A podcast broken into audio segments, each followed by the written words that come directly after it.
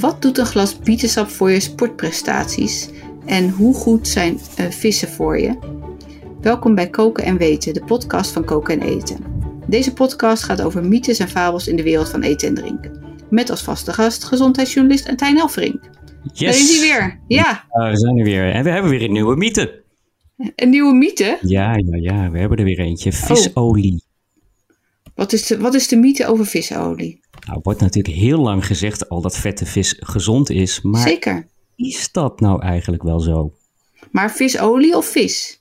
Ja, visolie, dat is uh, het vet uit vis. En ja, sommige vissen zijn vet. Uh, de een is vetter dan de ander. Bijvoorbeeld mm -hmm. uh, zalm is een vette vis. Ja, of veel die, Ja, exact. Of haring zelfs. En mm -hmm. je hebt vissoorten die zijn wat magerder, zoals koolvis of kabeljauw. En er mm -hmm. wordt altijd gezegd dat die vette soorten veel gezonder zijn dan de magere soorten. Maar dat valt eigenlijk best wel een klein beetje tegen. Oh, het gaat. Ja. Ik, uh, oh. ja. Nou, vertel. Ja. vertel. Want uh, ik denk gelijk aan de omega-vetzuren, de, de, de drie en de zes. Ja, het is een uh, hele business vertel. geworden. Want ja, op het moment dat iets gezond wordt bevonden, ja, dan zijn er ook fabrikanten die gaan dan weer die, die omega-vetzuren uit die vis halen en weer ergens anders aan toevoegen. Mm -hmm. Ik liep laatst in de supermarkt en kwam tot mijn grote verbazing uh, vissticks tegen. Vissticks worden altijd gemaakt van uh, nou ja, de, de witvis. Wit ja. ja. precies. Ja. Koolvis of kabeljauw. Dus dat zijn magere vissen. Mm -hmm. Maar ja, consumenten willen natuurlijk lekker gezond doen. Dus wat doet die fabrikant? Die stopt daar dus extra visolie bij. Dus oh. van de ene vis wordt het in de andere vis gestopt. Ja, het is een beetje geknutsel met, uh, met voeding. Oh, bijzonder. Ja, en dan te bedenken dat het dus helemaal niet zo gezond is. Althans, ja, het is niet ongezond, maar het is ook niet per definitie gezond. Nou, daar nou, moet je echt meer over vertellen. Ja, het lijkt er namelijk op dat er, uh, dat er, dat er veel, meer an, ja, veel andere zaken nog meespelen. Uh, het is heel moeilijk om te zeggen wat nou precies de oorzaak is van, ja, van, van bepaalde gezondheid. Er wordt altijd gezegd, Japanners uh, worden heel oud, dat klopt. Mm -hmm.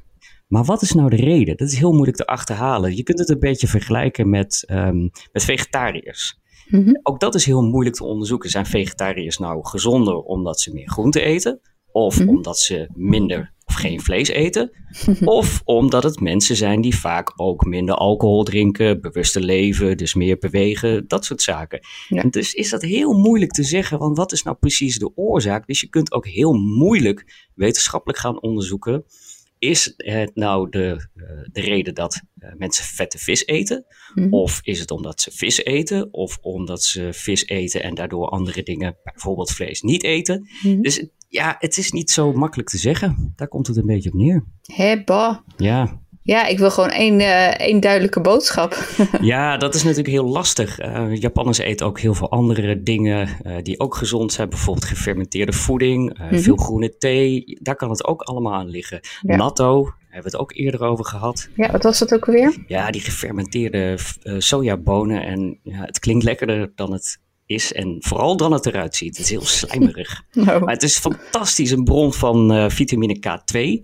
En mm. dat zou dan ook mogelijk bijdragen aan die gezondheid. Want vitamine K2, anders dan gewone vitamine K, is beter vetoplosbaar. Verspreidt ja. zich daardoor anders door het lichaam. En zou op die manier dus meer kunnen bijdragen dan gewone vitamine K. Ja, ja, oké. Okay.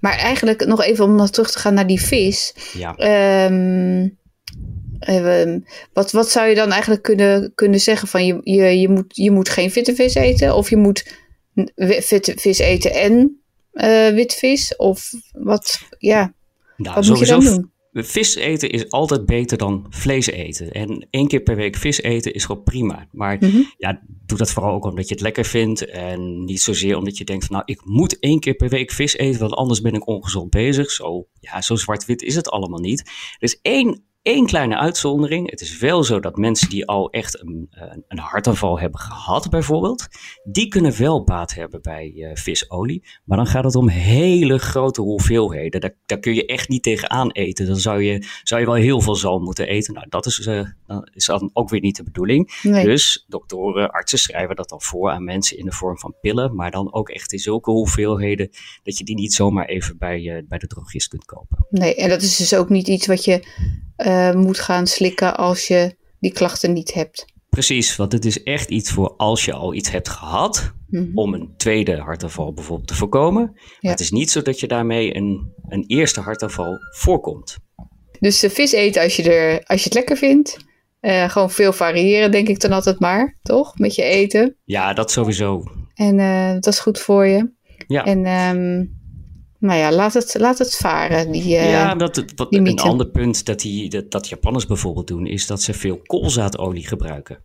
Oh, Nou, laat dat nou toevallig ook weer een natuurlijke bron van die omega-3 vetzuren zijn. Want omega-3 zit niet alleen in vis, maar het zit ook bijvoorbeeld in, eh, in lijnzaad. eh, en ja, in die zin is dat ook heel gezond. Kijk, wij Europeanen gebruiken meer eh, olijfolie. Dus stap nou niet massaal over van olijfolie naar koolzaadolie. Dat is echt nergens voor nodig.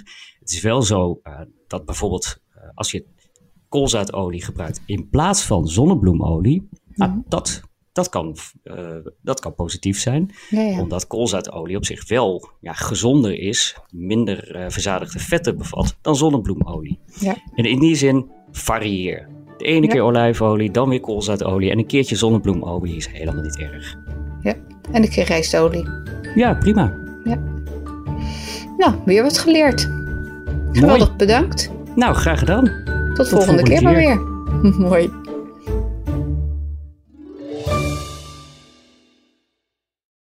We worden dagelijks overladen met overbodige informatie. En het is moeilijk de zin van de onzin te scheiden. Daarom vertrouw ik op echte journalisten in plaats van meningen. Een krantenmens heeft het gemakkelijk. Word ook een krantenmens en lees je favoriete krant nu tot al zes weken gratis. Ga snel naar krant.nl. Bezorging stopt automatisch en op deze actie zijn actievoorwaarden van toepassing.